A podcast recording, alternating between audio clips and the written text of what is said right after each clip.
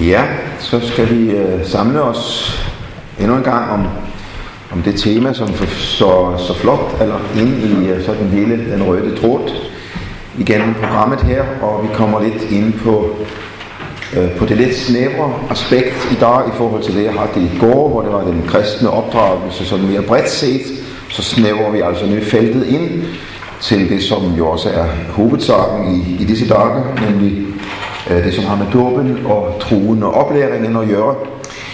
Øh, og jeg skal forsøge at øh, bidrage med både lidt sådan religionspædagogisk øh, stof, øh, sådan øh, teologisk set, og så også med nogle øh, mere almindelige religionspædagogiske og religionspsykologiske betragtninger, som jeg tror kan være vældig nyttige for os, når vi skal øh, forsøge at foretage den oplæring, vi skal, og de døbte på den bedst mulige måde.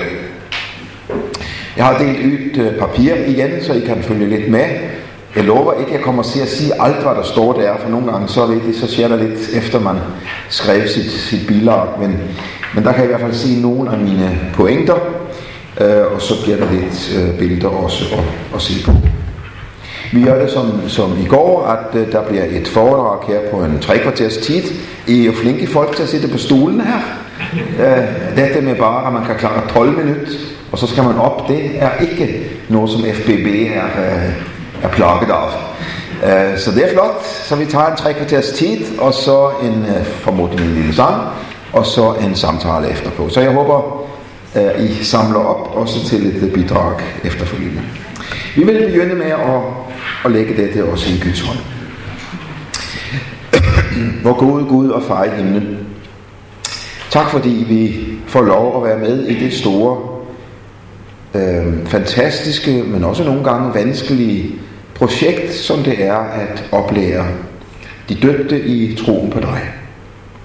Her giv os meget indsigt i dit ord, og giv os meget indsigt i børnene, så vi kan skabe en god bro en god forbindelse fra dit ord til de børn, der lever i dag, som er vores næste. Og vil du også hjælpe os med det, vi skal tale sammen om her, at det bliver en, en lille brik i denne vigtige øvelse med at skabe en bro mellem dit ord og dit rige og barn. Amen. Der er fire øh, hovedpunkter, som jeg gerne vil, at vi skal igennem her i øh, mit foredrag. Det første punkt står allerede på tavlen der. Det handler om dåben, troen og oplæringen. Så får vi et andet hovedpunkt, som går på øh, oplæringens øh, former. Og vi har et tredje punkt, hvor jeg vil arbejde lidt med forholdet mellem barnetro og voksentro. Og endelig til sidst vil jeg tage en case frem og se lidt på det, man kunne kalde de mørke og alvorlige sider af Guds ord, når det skal formidles til børn. Så det er min plan med disse øh, fire hovedpunkter. Først lidt om, om dåben og troen og oplæringen. Og jeg måtte selvfølgelig finde et norsk billede, for vi har ikke bøgnat i Danmark. Men, øh, men det er vist det, de har på der, i hvert fald nogle af dem, øh, til en barnedåb i en norsk kirke. For børn, som fødes i kristne hjem, de skal døbes. Confessio Augustana udtrykker det på den måde. Om dåben lærer de, altså de evangeliske menigheder, at den er nødvendig til frelse, og at Guds nåde tilbydes ved dåben, og at børn bør døbes, i det de, når de ved dåben er overgivet til Gud, tages til nåde af ham. Citat slut. Gud åbenbarer sig, Gud skaber troen, Gud holder troen ved lige i os øh, mennesker igennem noget midlerne. Dåb og nadver og ordets forkyndelse.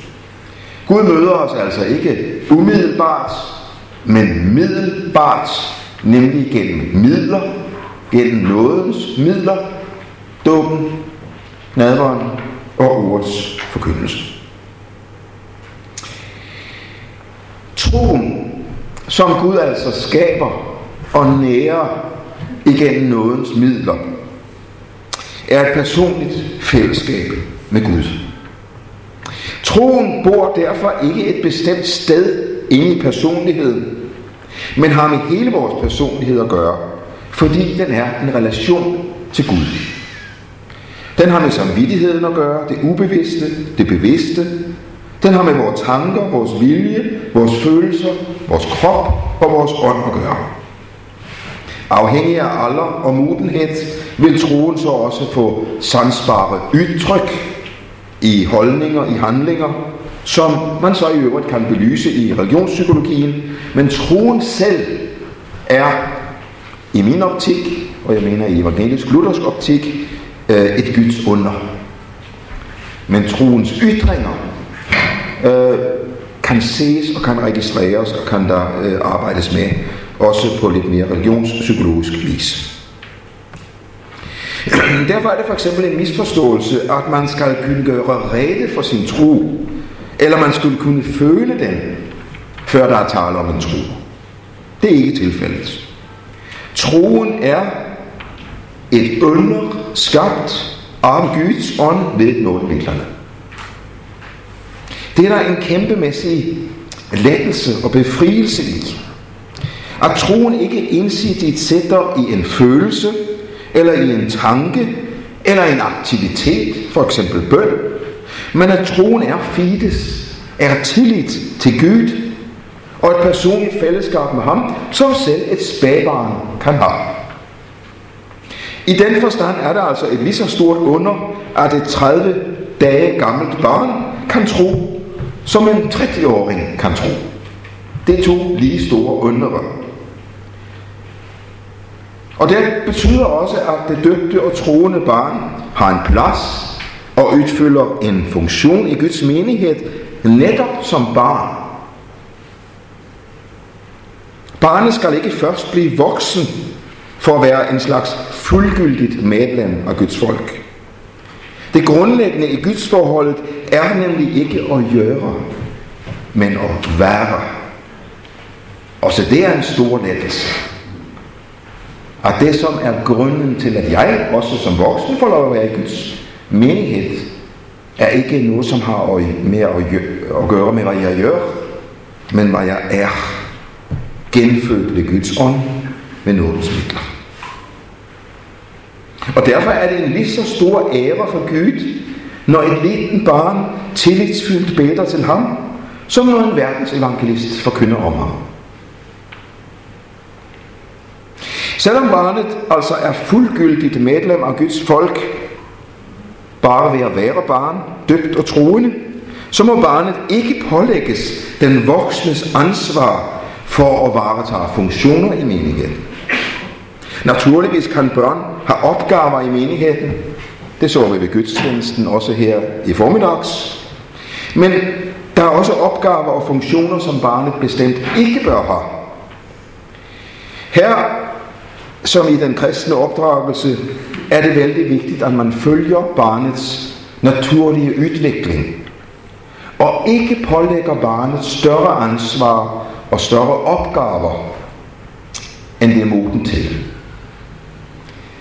Det er en af argumenterne imod den barneteologi, som vi hørte lidt om i går, at den pålægger barnet, det lille barn, alt for store opgaver, alt for stort ansvar i forhold til, hvad det er udviklet til. Så jo yngre barn er, desto færre opgaver og funktioner har det ansvar for, og jo ældre det bliver, jo flere opgaver og funktioner kan det have. Jeg mener for eksempel, det er betænkeligt, hvis voksne pålægger barnet opgaver med at være evangelist til eksempel. Og man pålægger små barn at skulle være evangelister over for deres hjemmealdrende. At barn ofte er det, spontant og uden at få det at vide, ja det er sandt. Men at man pålægger dem byrder i den retning, finder jeg lidt vanskeligt. Et enkelt moment omkring oplæringen har jeg lyst til at tage med her, som har med Jesu egne ord om den sag at gøre. Han siger det sådan, i oplærings- eller dåbs- eller missionsbefalingen, mig er givet al magt i himlen og på jorden. Gå derfor hen og gør alle folkeslag til mine disciple, i det I døber dem i Faderens, Søndens og Helligåndens navn, og i det I lærer dem at holde alt det, som jeg har befalet jer, og se, jeg er med jer alle dage indtil verdens ende. Her er der et moment i denne oplæring af barnen, som korresponderer lidt med det, som vi også hørte lidt om i går aftes, om den jødiske, øh, den jødiske øh, formidlingsform og tradering. Øh, I det vi skal bemærke, at Jesus ikke siger, i det I lærer dem alt det, som jeg har befalet jer. Men han siger, i det I lærer dem at holde alt det, som jeg har befalet jer. Det er i en vestlig intellektualistisk kultur, at vi har udviklet en tanke om, at man kan lære noget sådan øh, uden art eller per, per intellekt alene. Den øh, bibelske tænkning, som Jesus også lægger mund til her, er faktisk det både fantastiske og alvorlige, at vi har faktisk ikke lært, før vi har gjort. Tanken om, at man kan lære noget, også i Guds rige, som er sådan en slags intellektuel kapacitet, som man kan gå til eksamen i. Ja vel, der er også en kundskab, og der er også nogle ting, man kan, man kan tjekke rent uh, indlæringsmæssigt. Men dybest set, så har vi først lært, når vi har gjort. Og derfor er dette aspekt vældig vigtigt. Lære dem at holde alt det, som jeg har befalet jer. Og det har for mig at se ikke bare med loven og formaningerne at gøre, som det umiddelbart lytter, men faktisk også med selve evangeliet. For hvordan, hvordan holder man det? Ja, det gør man jo, når man fester lige til det. Når man tror, hvad det bliver sagt, dine sønner er forladt, ja vel, så er det forladt. Så dette moment om at lære ved at gøre har altså også med selve, tror jeg, evangeliemodtagelsen at gøre. Guds ords formidling kan imidlertid ikke adskilles fra det levende livs øh, virkelighed med den sejr og nederlag. Børn oplæres i langt højere grad gennem det vi gør, når det er kombineret med vores ord, end hvis det bare er ord alene. Derfor er det så vigtigt for barn, at det vokser op sammen med voksne, som viser og som eksemplificerer og som lever det, de siger.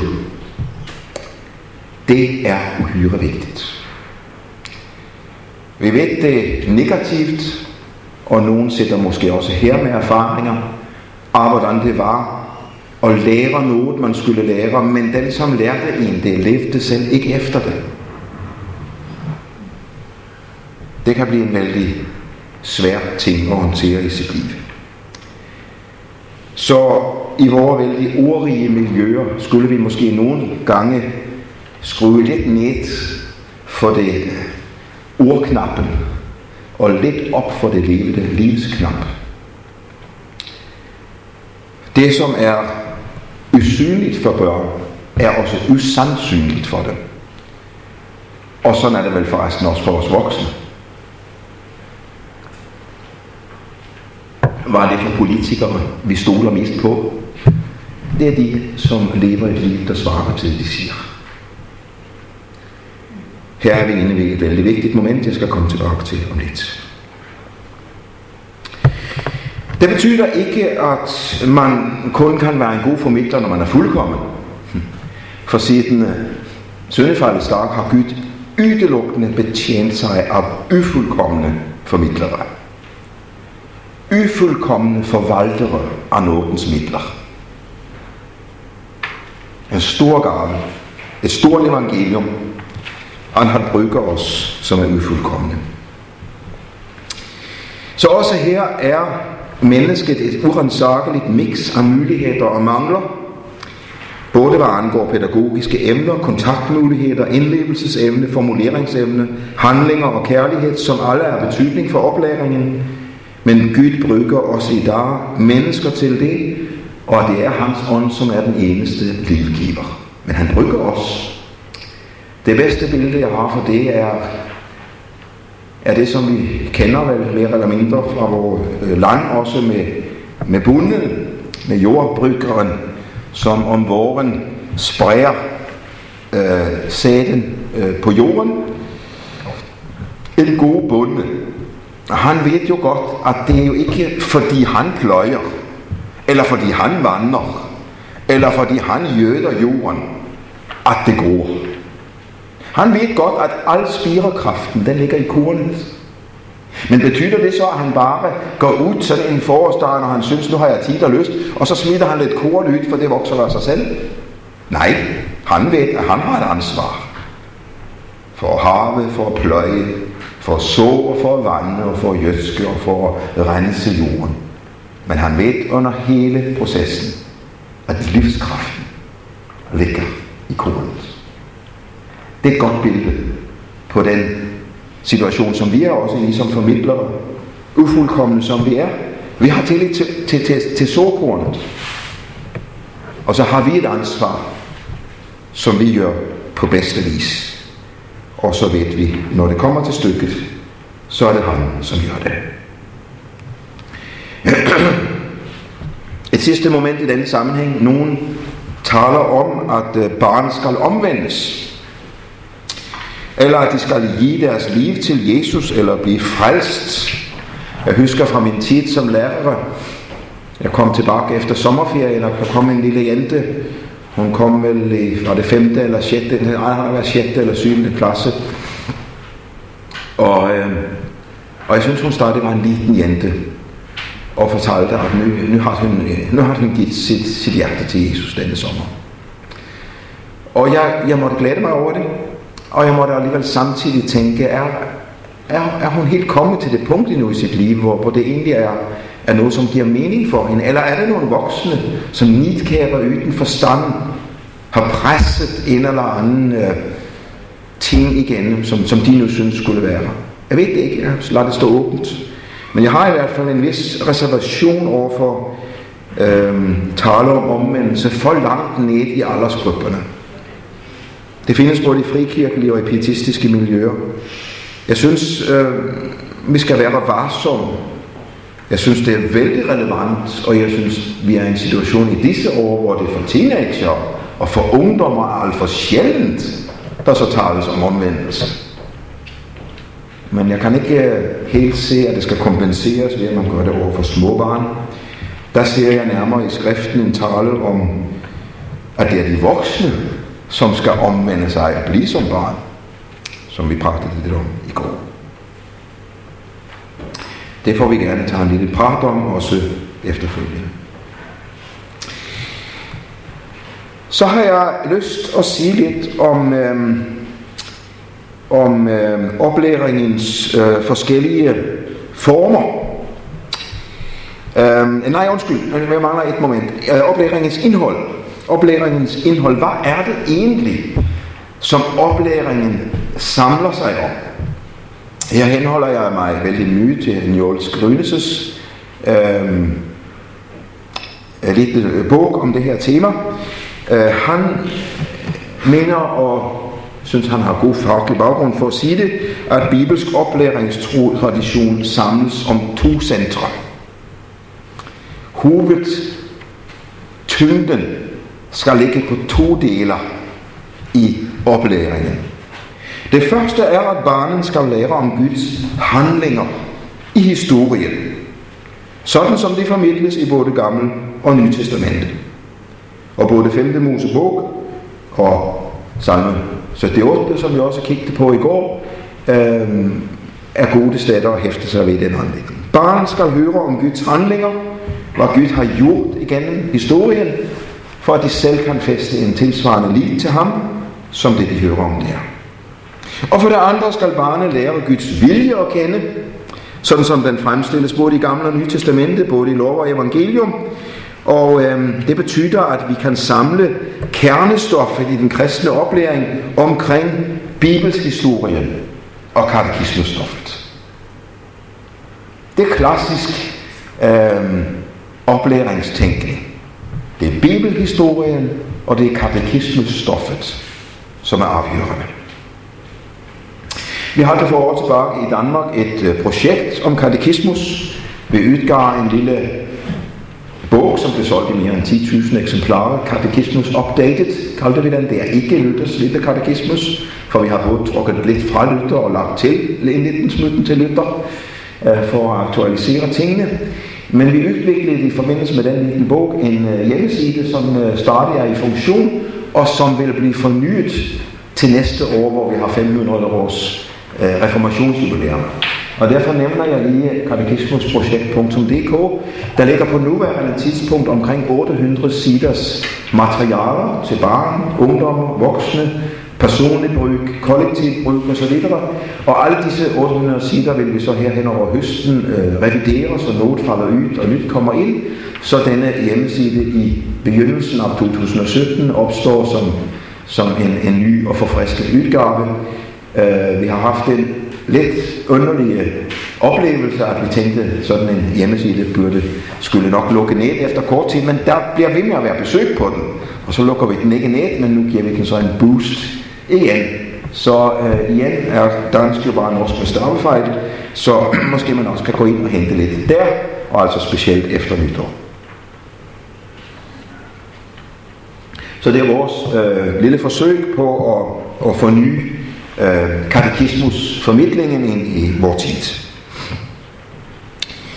Og det betyder altså så også for det andet, at den levende bibelshistorie er, er rigtig vigtig. Og der er jeg naturligvis lidt præget af en dansk, øh, grundvisk, kolsk tradition, hvor netop den levende bibelfortælling er, øh, er så vigtig har lyst til at give et enkelt eksempel på det, som er et varmt minde i mit eget hjerte.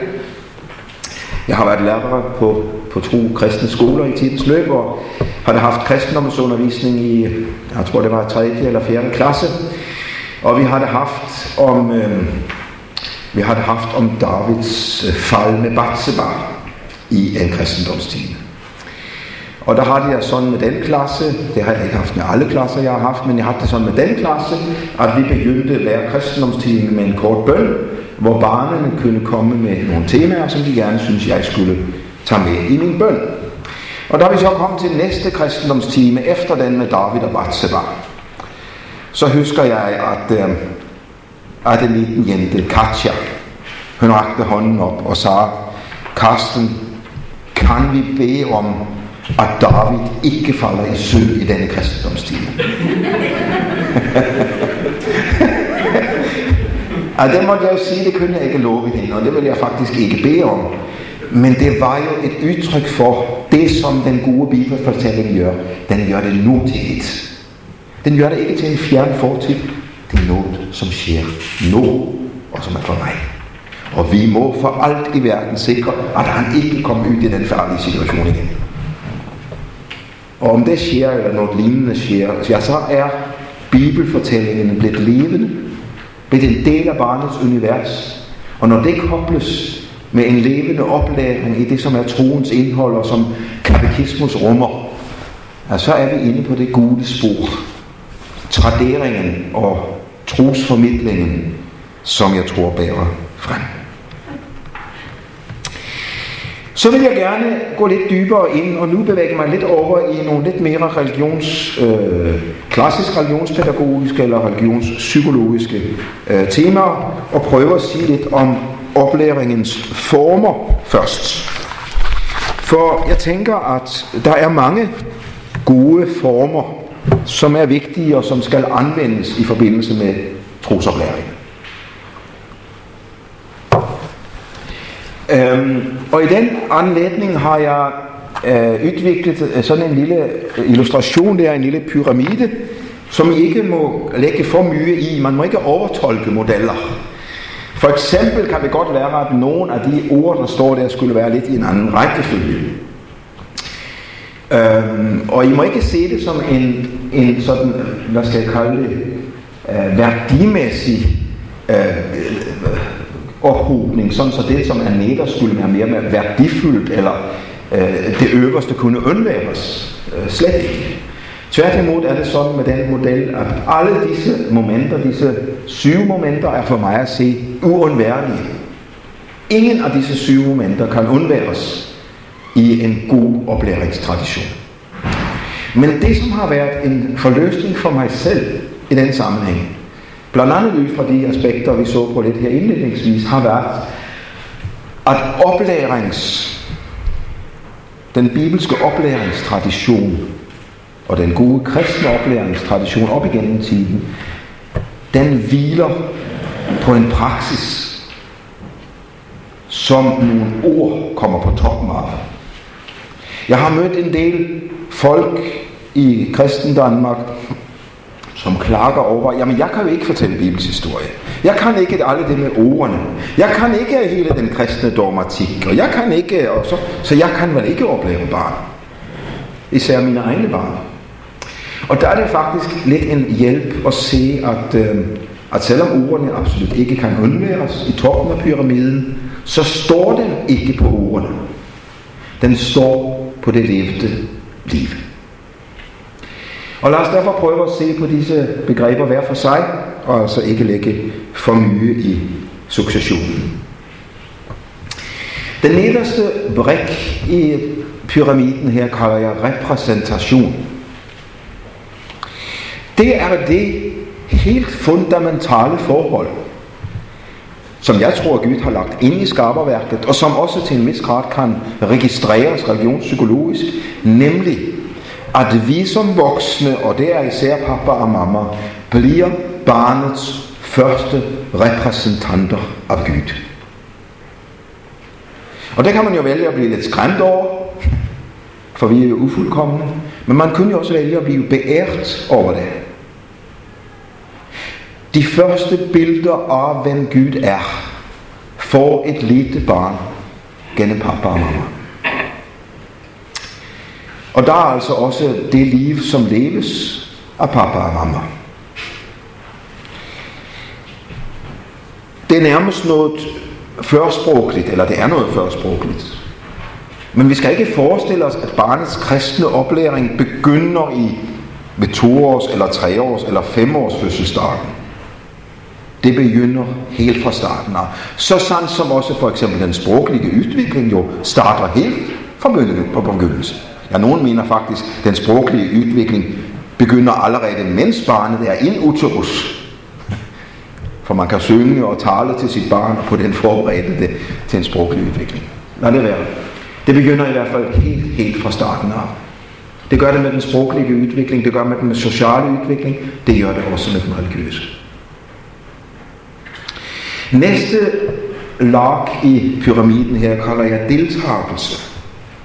Her taler vi om, at barnet lever og færdes i miljøer, sammenhæng, fællesskabet, hvor Guds ord og den af kulturen bestemte kristne tradition leves ud. Der er altså ikke tale om pædagogisk tilrettelagt situationer. Der er blot i anførselstegn tale om alt det, som sker, og alt det, som læres, når barn og voksne deler liv med hverandre. Vi kunne måske kalde det medleven kristen medleven. Barnets deltagelse og medleven i bordbøn, aftensang, klubvirksomhed, gudstjenester, menighedsfællesskab. Og for øvrigt alt det, som har med den kristne etiks praksis at gøre. Jeg ved, en del norske familier rejser til Legoland i Jylland på sommeren. Ved I, hvad Legoland er? En vidunderlig park. Jeg har aldrig norske. Det er fald flere norske end danske i Legoland. Øhm, og der er der altså sådan på den måde, det kunne selvfølgelig aldrig norske forældre finde på, men, men nogle danske kunne finde på, at om pappa fortæller, at alle børn er to år yngre, end de i virkeligheden er, så kan han spare 125 gode danske kroner. Men skjønner du, det er umuligt at lære barn, man ikke må ljuge. Om pappa må ljuge for at tjene 125 kroner. Så praktisk er det. Så mye betyder deltagelsen. At barn i den situation vil lære mye mere af, hvad far gør, og kan tillade sig for at spare 125 kroner, end af alt det pappa siger, som sikkert er korrekt, om man man ikke må lyve. Så denne, denne deltagelse er utrolig bred og, utrolig, og voldsomt socialiserende. Voldsomt påvirkende. voldsomt definerende for det liv, som har med den kristne tro at gøre. For om kristen tro bare bliver sådan en åndelig boble om søndagen, og så holder Gud hviledag fra mandag til lørdag, så dukker han op igen en søndag, så kan vi være ret forvisset om, at det holder ikke vand, hverken for voksne eller barn på lang sigt. Så kommer der et moment af indøvelse, og der kommer vi til mere tilrettelagte pædagogiske situationer for, øh, for ting, som er vigtige i oplæringen. Indøvelsen er en mere intentional oplæringsform end deltagelse. Jeg tænkte på det i formiddags til gudstjenesten, hvor det var så fint, at barnen var med. Der ligger vi lige imellem deltagelse og indøvelse. Når barnen var med her i optoget, og to jenter læste herfra, og, og der var lidt moment af, af, af barn, så ligger vi et sted der imellem deltagelse og indøvelse. Vi vil indøve noget til barnet. Vi vil lære dem fader vor. Vi vil lære dem trosbekendelsen. Vi vil lære dem Bibelens beretninger. Vi vil øhm, indøve en rytme i vores hjem. Andagsliv måske i forbindelse med spisning, aftenlæsning eller aftenbøn. Alle disse ting, hvor vi altså indøver momenter, som er vigtige for barn. Dette moment er uhyre vigtigt i vores tid. De gode traditioner, de gode ritualer, Barn, som lever i voldsomt fragmenterte liv i dag, med mange kanaler på tv, med internet, som flyter ud i iPad'en konstant, og hvor livet virkelig bliver fragmenteret og uroligt og stresset, der kan netop de gode traditioner, de gode ritualer få stor betydning. Så vi skal ikke holde os tilbage her. Vi er helt op front. Vi er helt i spidsen med, hvad barnet der har brug for. Med gode traditioner, med gode ritualer, med god indøvelse. Et hvert barn må lære at tegne korsets tegn.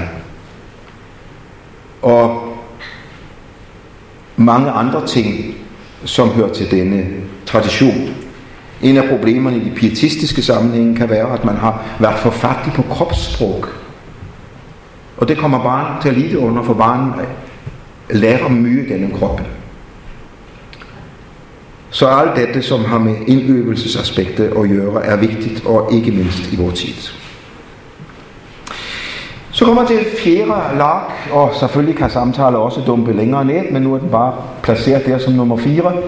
Samtalen med barn om det, som hører Guds rige til.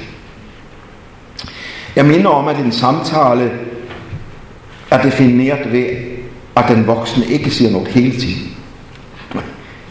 Vi tænker, at vi har haft en god samtale med børnene, og vi har sagt noget hele tiden. Men der snyder man også sig selv for voldsomt mye opbyggelse. Og mye læring også til den voksne. Og man helt glemmer at lytte til barn. Denne samtale med barn er vigtig, og den er ikke altid enkel. Skal jeg være ærlig, må jeg sige, i mit eget, i vort eget hjem med tre barn, har det ikke været så nemt at få denne samtale til at, at fungere. Jeg prøvede nogle gange efter spisningen i på bedste luthersk manér med husfader, som skal lære barn, og så, ah, det gik i store, det var ikke rigtigt, der var ikke nogen, der blev til bolden, som vi siger i Danmark. Men i vores familie har vi haft mange bilture hjem mellem Jylland og Sjælland. Jeg ved, Danmark er et vældig liten land, som man kan køre til fødselsdag øh, hvor som helst og komme hjem samme dag. Men det betyder, at man indimellem må køre øh, sådan en nat igen, en aften igen, to, tre, fire timer. Og sådan en mørk bil, med pappa og mamma på forsættet, og de tre på bagsædet, det har været det, jeg gange for øh, samtalen har kørt bedst i vores familie. Om de to store, mest intime temaer, som findes, Øh, det har det, som har med seksualundervisningen at gøre, det er et helt tema for sig, som vi ikke er inde på her. Men det har vi fået talt lidt med barnen om i den situation. Og så det med Gud. Og om det er der, I kan finde det rum for samtale i en mørk bil, eller hvor det er, det er jo ikke det afgørende.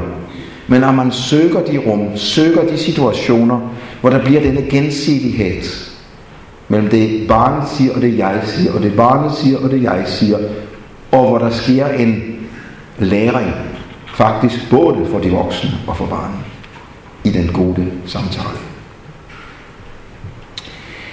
Så kommer bibelfortællingen som et øh, særligt moment, og det er selvfølgelig fordi jeg er vokset op i Grundtvigs og Kolds fædreland, så må der han, den har en rubrik for sig. Nogen ville lægge det ind, ind under undervisningen og sige, at det var en af undervisningens mange former, men ikke mindst også i en bibelsk kontekst, hvor netop fortællingen og historien er så central, synes jeg det er oplagt at lægge den ind. Den gode bibelfortælling, den levende bibelfortælling.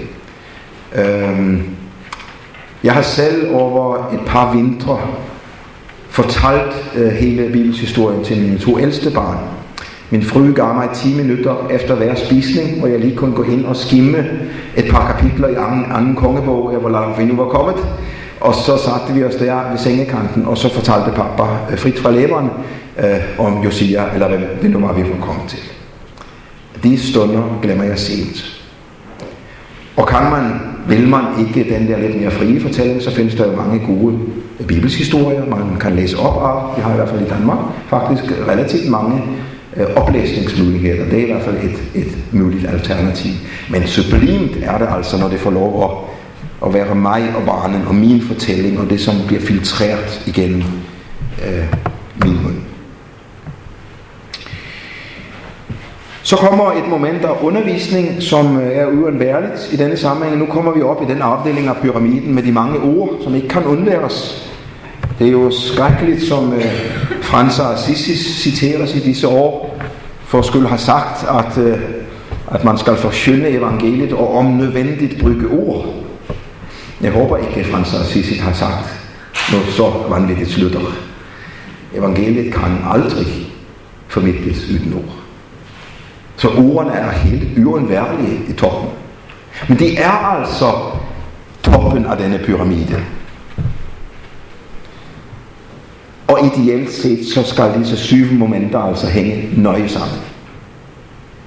Undervisningen, dermed tænker jeg på, vel, på, på tilrettelagte fremadskridende aktiviteter for eller med et barn eller flere barn, for at udvikle barnets tankeliv, følelsesliv og viljeliv, og oplæringen i den kristne tro og undervisningen i den kristne tro, som vi jo møder i konfirmationsforberedelsen, i før konfirmationsforberedelsen, også i den kristne skoles kristendomsundervisning og i andre øh, sammenhænge, øh, kan betjene sig af mange metoder. Alle metoder, øh, alle undervisningsmetoder, som tjener til at levendegøre og formidle og lade kundskab flytte på dette felt, er anvendelige i den sammenhæng. Og endelig som toppen af kransekagen, og altså stadig helt uundværligt, kommer så det, jeg her kalder forsyndelsen. Og nogen vil selvfølgelig sige, at det har også været længere end et, og fint for mig, om man, om man tænker sådan om det, at hver gang Guds ord formidles, så er det forsyndelse. Men her i denne sammenhæng sigter jeg med forsyndelse til, til appliceringen af Guds ord. Eller for nu at sige det rigtige evangelisk lyttersk, den personlige formidling af lov og evangelium til barn. Den står svagt i vores tid. Jeg har pratet lidt med nogle af jer om det. Det er derfor, jeg har skrevet den lille pjæse om forkynd evangeliet for barn. Fordi vi er kommet, synes jeg, langt på vej i en situation, hvor det er blevet... Det er næsten som om forskyndelse i vores tid er blevet synonym med overgreb. Det er vældig ulykkeligt. Og faktisk burde det være, og i sin sags natur, stik modsat. At netop der, hvor forskyndelsen er løs, er også friheden løs. Netop der, hvor lov og evangelium møder os stærkest, sætter Gud os også i et frihedens rum til at tage imod eller til at afvise. Men det betyder altså, at vi er vældig udfordret af, og vældig udfordret også rent praktisk på, hvordan vi så gør dette. Ind i vores tid, forskyndelse med respekt, har jeg skrevet det lille hæfte om, som ligger dernede. Et lille forsøg på at tænke lidt over, formulere lidt om, hvordan vi så formidler dette lov og evangelium. I barnehøjde naturligvis. For det handler jo ikke bare om at proppe nogle ting ind i barnet. Det handler jo ikke bare om, at nu skal jeg have sagt noget, og så har jeg sagt det. Det handler om, at det når barnet. At barnet møder alvoren ved Guds hellighed og glæde ved hans kærlighed. Det handler jo ikke om, at jeg skal sige, nu har jeg leveret det, og så... Nej, det er jo barnet, som skulle have glæde og lov evangeliet. Så det er for mig at se en af de helt store udfordringer i vores tid. Well, tag it or leave. Um, brug uh, hvad I kan i denne sammenhæng, og diskutere det gerne med mig om lidt. Et moment mere, nummer tre, tre punkt nummer tre for os her. Et lille vældig religionspsykologisk moment omkring barnetro og voksentro. Jeg tror, det er nødvendigt, at vi får gennemtænkt og formuleret os lidt omkring forskelle og ligheder mellem barnets måde at tro på og den voksnes måde at tro på. Og jeg kommer ikke med på nogen måde med, så siger Herren i denne sammenhæng, men med nogle tanker, øh, som, øh, som gerne må diskuteres. Barn kommer til verden uden nogen bevidsthed om sig selv. Man mener efter undersøgelser af spædbarn, at der går 4 til 5 måneder, før barnet er i stand til at registrere sig selv som en person artskilt, især fra mamma. Det tyder på, at ganske små barn oplever sig selv som en del af hende, som giver mig mat. Og først i 4 til 6 måneders alderen udvikler barn en opfattelse af sig selv som et individ artskilt fra især mamma. Det, som har med selvbevidstheden at gøre, vågner også først langsomt i barnet. Det lille barn har ingen selvbevidsthed. Eller i hvert fald kun en vældig, vældig, vældig forløbig selvbevidsthed. Også det er noget, som senere vokser frem. Og øhm, det betyder, at der opstår ikke en forskel i, hvad selve troen er. For den er nøjagtigt det samme for et spædbarn som for en voksen. Den er en fides. Den er en tillid. Den er en relation til Gud, skabt ved nådens midler. Så selv troen i sin kerne er nøjagtigt den samme for et spædbarn som for en voksen. Men troens udtryk, troens selvbevidsthed, eller bevidstheden om, hvad troen er, er ikke den samme for et lille som for en stor.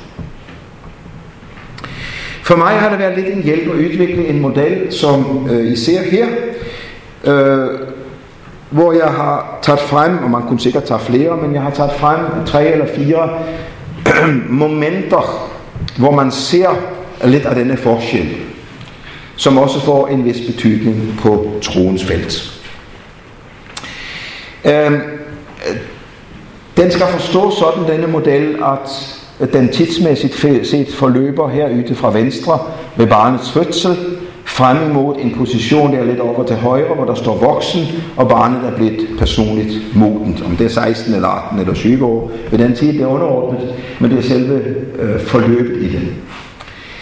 Hvis vi tager øh, fortsæt, øh, forholdet mellem den konkrete opfattelse og den abstrakte opfattelse, så er det sådan, at et spædbarn fra fødslen har en vældig konkret opfattelse af alting. Barnet har faktisk endnu ingen overhovedet abstrakt opfattelse af nogen ting. Men der går ikke mange, der går faktisk ikke mange øh, uger eller måneder, så begynder den abstrakte opfattelse at vokse frem. I form af, krops, i form af kropskontakten, øjekontakten og den første sproglige udvikling. Modellen skal så læses på den måde, at når barnet er nyfødt, så er det udelukkende konkret registrerende. Og det abstrakte vokser kun langsomt frem. Kan I se, den økes for neden, og det sker jo hovedsageligt sammen med sprogets udvikling. frem imod en position oppe i voksenalder, hvor der bliver en spændingsfyldt dialektik imellem det at opfatte konkret og opfatte abstrakt. For det er jo ikke sådan, når man så bliver voksen, så opfatter man kun abstrakt og ikke længere konkret. Der er nogle voksne, som prøver på det, og de er vældig sære at være sammen med. Det er som om de kun er hovedet. Men sådan er det ikke. Øhm, det har en vis betydning for øh, troens felt. Jeg skal prøve at illustrere det lige om lidt. På tilsvarende måde kan man tage et par andre momenter, sikkert flere, men nu tager jeg bare disse to. Uh, forholdet mellem det, man kunne kalde det følelsesmæssige, eller jeg foretrækker spontaniteten, og så det mere tankemæssige, eller refleksiviteten. Det lille barn reagerer spontant, er ikke i stand til at udskyde sine behov, er ikke i stand til at se på sig selv udefra og sige, det er vist lidt, lidt urimeligt, at jeg skriger nu. Jeg må hellere holde inde, pappa ser træt ud. Det kan det lille barn ikke. Det lille barn reagerer spontant og umiddelbart på sine følelser af frygt, af glæde, af en skitten blæ, eller hvad det kan være. Mens refleksiviteten, det tankemæssige, det at være bevidst om sig selv, og det at stå ved siden af sig selv, kommer langsomt frem imod igen en voksen position, hvor de to ting kommer til at stå i en, en spændingsfyldt øh, dialektik til andre. Og det tredje eksempel, jeg nævner her, er fortiden mellem nutidsaspektet og fortids fremtidsaspektet. Det lille barn, spædbarnet, er 100% nyt, nutidsorienteret. Øh, man kan ikke, øh, man kan ikke øh, sige til små barn, at, øh, at øh, nu, nu får du lige holde op og skrige, nu du kan lige lade være, fordi om en time, så, så kommer der marts. Um, øhm, og kommer vi lidt længere op i, i alder, aldersgruppen, øh, har vi jo også lidt eksempler på det samme. Man må aldrig sige til en fireårig, at om et halvt år skal vi til Legoland. For så bliver man spurgt de næste 180 dage. Er det i dag, mamma? Så man skal vente måske til en uge før man skal til Legoland og sige til fireåringen, vi skal til Legoland. Om man altså vil, ikke vil svare på spørgsmålet det næste halvår. For det lille barn er vældig fokuseret i det, som er nutids. Mens fortidsaspektet og fremtidsaspektet først vågner, som man modnes. Og igen noget med sproglighed og bevidsthed og mange ting at gøre. Øhm, disse tre forhold, som jeg har nævnt her, mener jeg har en betydning ikke for, hvad troen er, for den er det, den er skabt ved Guds hellige ånd og nådens midler, men i hvordan troen ytrer sig. For barnet, for det lille barn, er troen, og det med Gud, alt overvejende noget konkret. Knyttet til konkrete handlinger i hverdagen, derfor har det med tra- traditionen så vældig stor betydning, samt til konkrete handlingsmættede fortællinger. Derfor er den levende fortælling allerede for små barn så vigtig. Mens troen for den voksne bliver et urensageligt mix af noget konkret og noget abstrakt. Troen har også i langt højere grad med barnets følelsesliv at gøre, og mindre med dets tankeliv at gøre. Det er faktisk derfor, det kan være så trist at møde voksne, som kun kan leve i troens verden på følelserne. De er som barn, infantile, dybt, dybt afhængige af et følelsesmæssigt kick, og forstår ikke, at også troen har en vældig hjælp i tanken og i viljen. Det lille barn lever vældig mye i følelsen og spontanitetens verden, og for reagere spontant og impulsivt på det følelsesmæssige i forhold til det, som har med troen at gøre, og det spontane og refleksive, eller det refleksive og det tankemæssige, først vokser til efterhånden. Og endelig for det tredje, barnets påvirkning også med den kristne tro i de små barns tilfælde, skal samle sig vældig mye om nytids, nytidsaspektet. Og først efterhånden, som barnet vokser op, skal man tage det stærke fortidsaspekt og fremtidsaspekt. Hvor kommer vi fra, og hvad med kirkehistorien, og hvor kommer vi fra, og hvorfor er vi lytterske i forhold til katolske, og, og så videre, og så videre. Og også fremtidsaspektet. Ja, det skal introduceres tidligt. Jeg taler ikke om, at småbarn ikke skal høre om evigheden.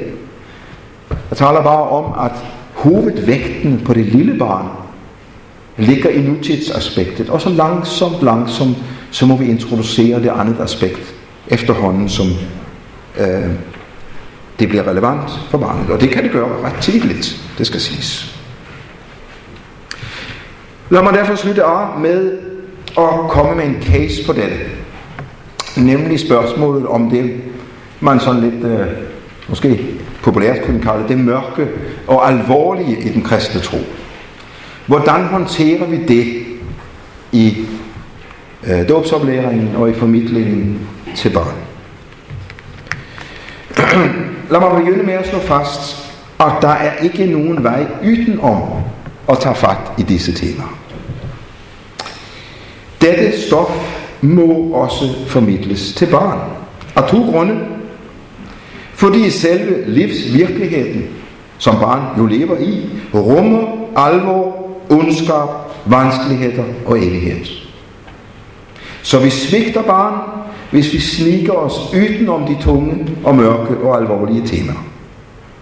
For det andre må vi ind på dette felt, fordi Guds ord, som jo graver langt dybere end vores erfaring, fastholder såvel det glædelige som det smertelige, såvel det forståelige som det uforståelige, såvel Guds nåde som Guds vrede. Så vi må gå ind i dette felt, fordi vi vil tjene barnet. Vi gør det ikke, fordi der var en mand her på øh, sommerstævnet, som sagde, det skulle vi gøre. Vi gør det, fordi vi vil tjene barnet. Og barnet er altid tjent med at blive bragt i kontakt med det, som er livets virkelighed. Også når den kan være mørk eller barsk. Det betyder naturligvis ikke, at det så skal overpointeres. Altså nu skal det så rydde dagsordenen for alt andet. Det har jeg ikke sagt. Men jeg har sagt, det må passes ind i den store kontekst, når vi vil være gode ved barn. Og det handler altså ikke om at slynge nogle sandheder i hovedet på barnet. Det drejer sig ikke om, at nu skal vi bare have det sagt, så vi har ryggen fri. Det skal formidles, fordi kristen forkyndelse og undervisning og oplæring er på livets side. Selv når vi i kærlig og karsk realisme bringer disse temaer på barnet, øh, eller børnene gør det.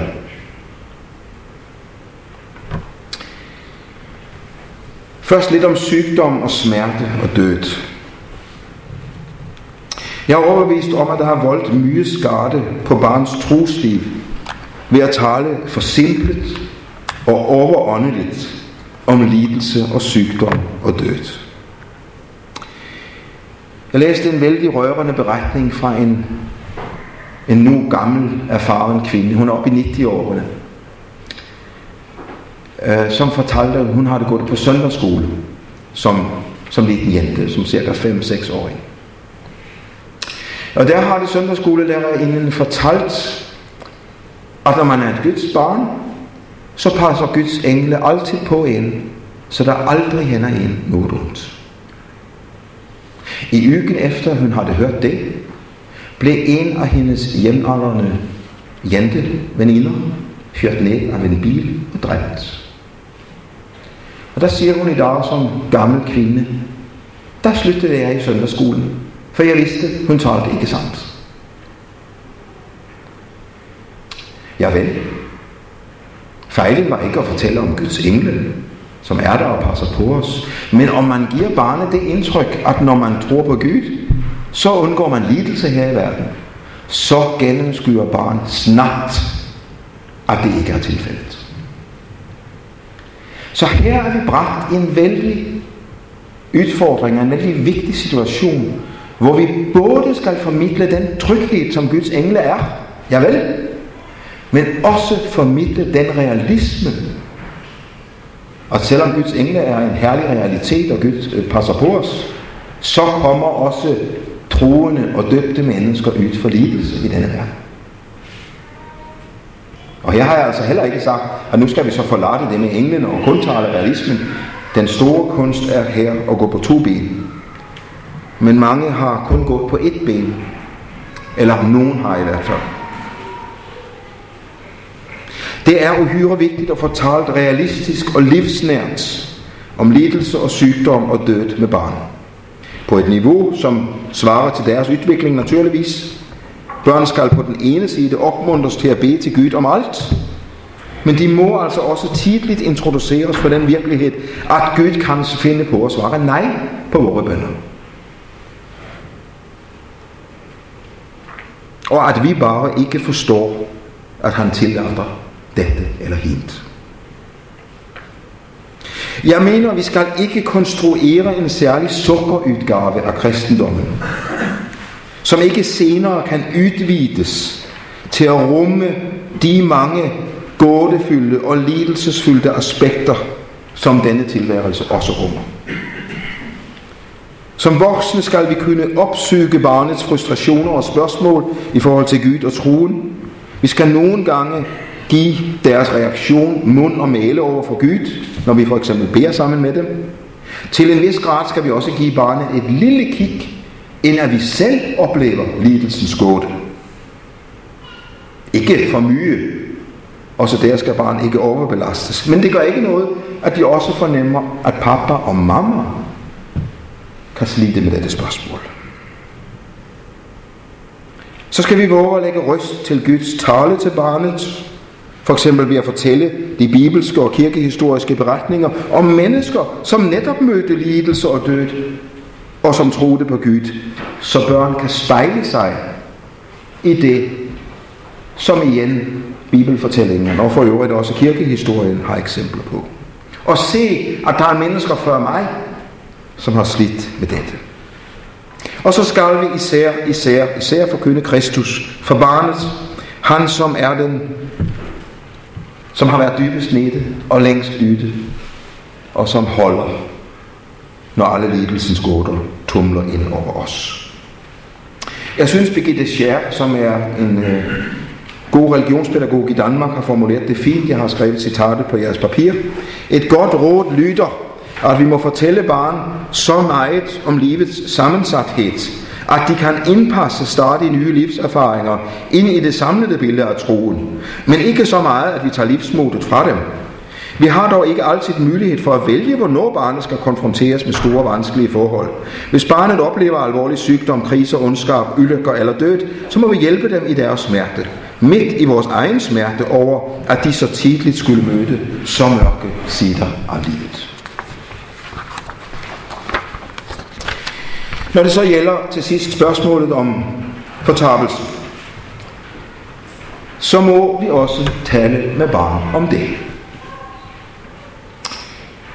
Igen, der kan være lidt en forskel på, hvor højt det er øh, prioriteret i forhold til helt små barn og lidt større barn, men at temaet må aktualiseres, derom er der ingen tvivl.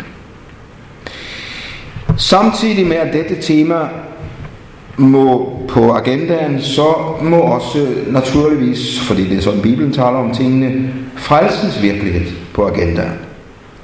Her må vi have en sund og god balance, ikke frelsen alene, ikke fortabelsen alene, men disse to i den bibelske spænding, som de er. Og håbsdimensionen er jo på mange måder det, som bærer igennem i mange af bibelteksterne. Det er håbsdimensionen. Og for barnet den håbsdimension, at selvom der findes en fortabelse, ja, så er der faktisk håb om, at mennesker kan gå over i Guds rige. Det er i hvert fald en af dimensionerne i håbet over for barnet. Vi svigter barn, hvis vi går yden om dette tema. Vi får hjælpe barn også med en sund alvor i deres liv. Det møder de ikke for mye af andre steder. Det skal ikke være skræmsel, det skal ikke være terror men det skal være realisme i barnehøjde. Der er alt for mange stemmer, som foregiver, at vi lever kun på denne side af døden, eller at alt er lyserødt på den anden side. Sådan er virkeligheden ikke, og derfor må vi være gode ved barn, være og lade virkeligheden komme til. Her som andre steder er så ikke bare vores ord det vigtigste, men også vores levede liv. Det er vældig vigtigt at introducere for barn, at vi lever evigt, hvis pappa og mamma kun lever for det, som har med denne side af døden at gøre. Det er det præcis det samme som med Nikolaj. Man kan sige så mye man vil om evigheden. Hvis pappa og mammas praksis er, at der ikke er noget evighedsaspekt, så virker det ikke troværdigt. Så også her er det levende liv afgørende, når for eksempel evighedsaspektet skal introduceres. Så skal man huske, at i nogle tilfælde vil netop introduktionen af den dobbelte udgang aktivere en af de dybest liggende følelser, som barnet har, nemlig det vi kalder separationsangsten. Et forhold, vi faktisk møder hjemligt i kristen skolesammenhæng, hvor der jo i hvert fald i dansk sammenhæng kommer vældig, vældig mange børn øh, på vores kristne skoler, som, øh, som ikke kommer fra kirken eller kristne hjem. Og der skal man bare vide som formidler af disse temaer, at det spørgsmål om den dobbelte udgang, det kan ofte aktivere den separationsangst hos barn. Jeg tror på Gud, så jeg bliver frelst, men pappa siger, han tror ikke på Gud, så han bliver ikke frelst. Altså skal pappa og jeg skilles art. Og det kan være vældig skræmmende for en syvårig at blive konfronteret med. Det forhold lukker ikke munden på den gode børneformidler, men det giver ham eller hende en visdom til at tale om dette store tema med både tydelige og gode ord i den dybe omsorg for barnet, og ikke for, at jeg skal have leveret en sandhed. Borger der trøsten i det kristne håb, som øh, er så vigtigt i denne sammenhæng. I den forbindelse er det også vældig vigtigt at lære barn, at vi ikke er i stand til at bedømme andres hjerteforhold til Gud. Nogle af dem, som vi tror er kristne, er det alligevel ikke. Og nogle af dem, som vi ikke synes ser ud som kristne, kan godt være det alligevel. Og så det må barn lære tidligt. Og så er det jo oplagt at gå bøndens vej sammen med barnen, så vi beder for dem, som så vidt vi kan se, ikke er Guds barn. Og vi lærer barnen, at skønt vi ikke kan tvinge Gud på dette område, så er det som den gode Rosenius siger, dem vi beder for, gør Herren en særlig indsats for.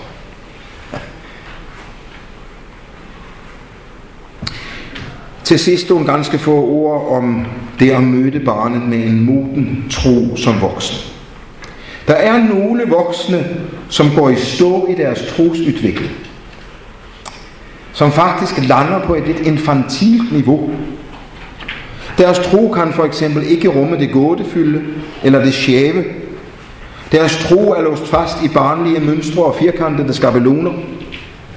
Det er naturligvis et problem for disse voksne, men i næste omgang kan det også blive et problem for de barn, som disse formidler den kristne tro til. For vi kommer uvægerligt til at formidle det billede af Gud og troen, som vi selv lever i. Ikke det, vi teoretisk set holder fast ved. Vi kan for eksempel fejlagtigt have et alt for lyst eller alt for mørkt billede af Gud, som vi så kommer til at formidle til barnet. Dette handler ikke om, at den modne tro er en brilliant tro. En fantastisk tro, som klarer alting snart tværtimod. Den modne tro er den tro, som ved vedvarende omgang med Guds ord og i bønden trænger dybere og dybere ind i den uendeligt store hemmelighed, som evangeliet er. Og det betyder også opøver emnen til at leve i en sund spænding mellem livets mørke og lyse sider. Det betyder ikke en brilliant, finsleben tro, men det betyder en ærlig tro, hvor du også lader det, som er dit liv, møde med Gud og hans ord. Det handler om med krop og sjæl og ånd, i de dejlige og svære relationer, som vi lever, og vilkår, som vi lever, at være Guds barn, som enten 7-åring eller 70-åring. Det blev lidt mere end tre kvarter, men nu er jeg færdig. Har du en enkelt sang, Bujo? Og så kan vi tage en debat.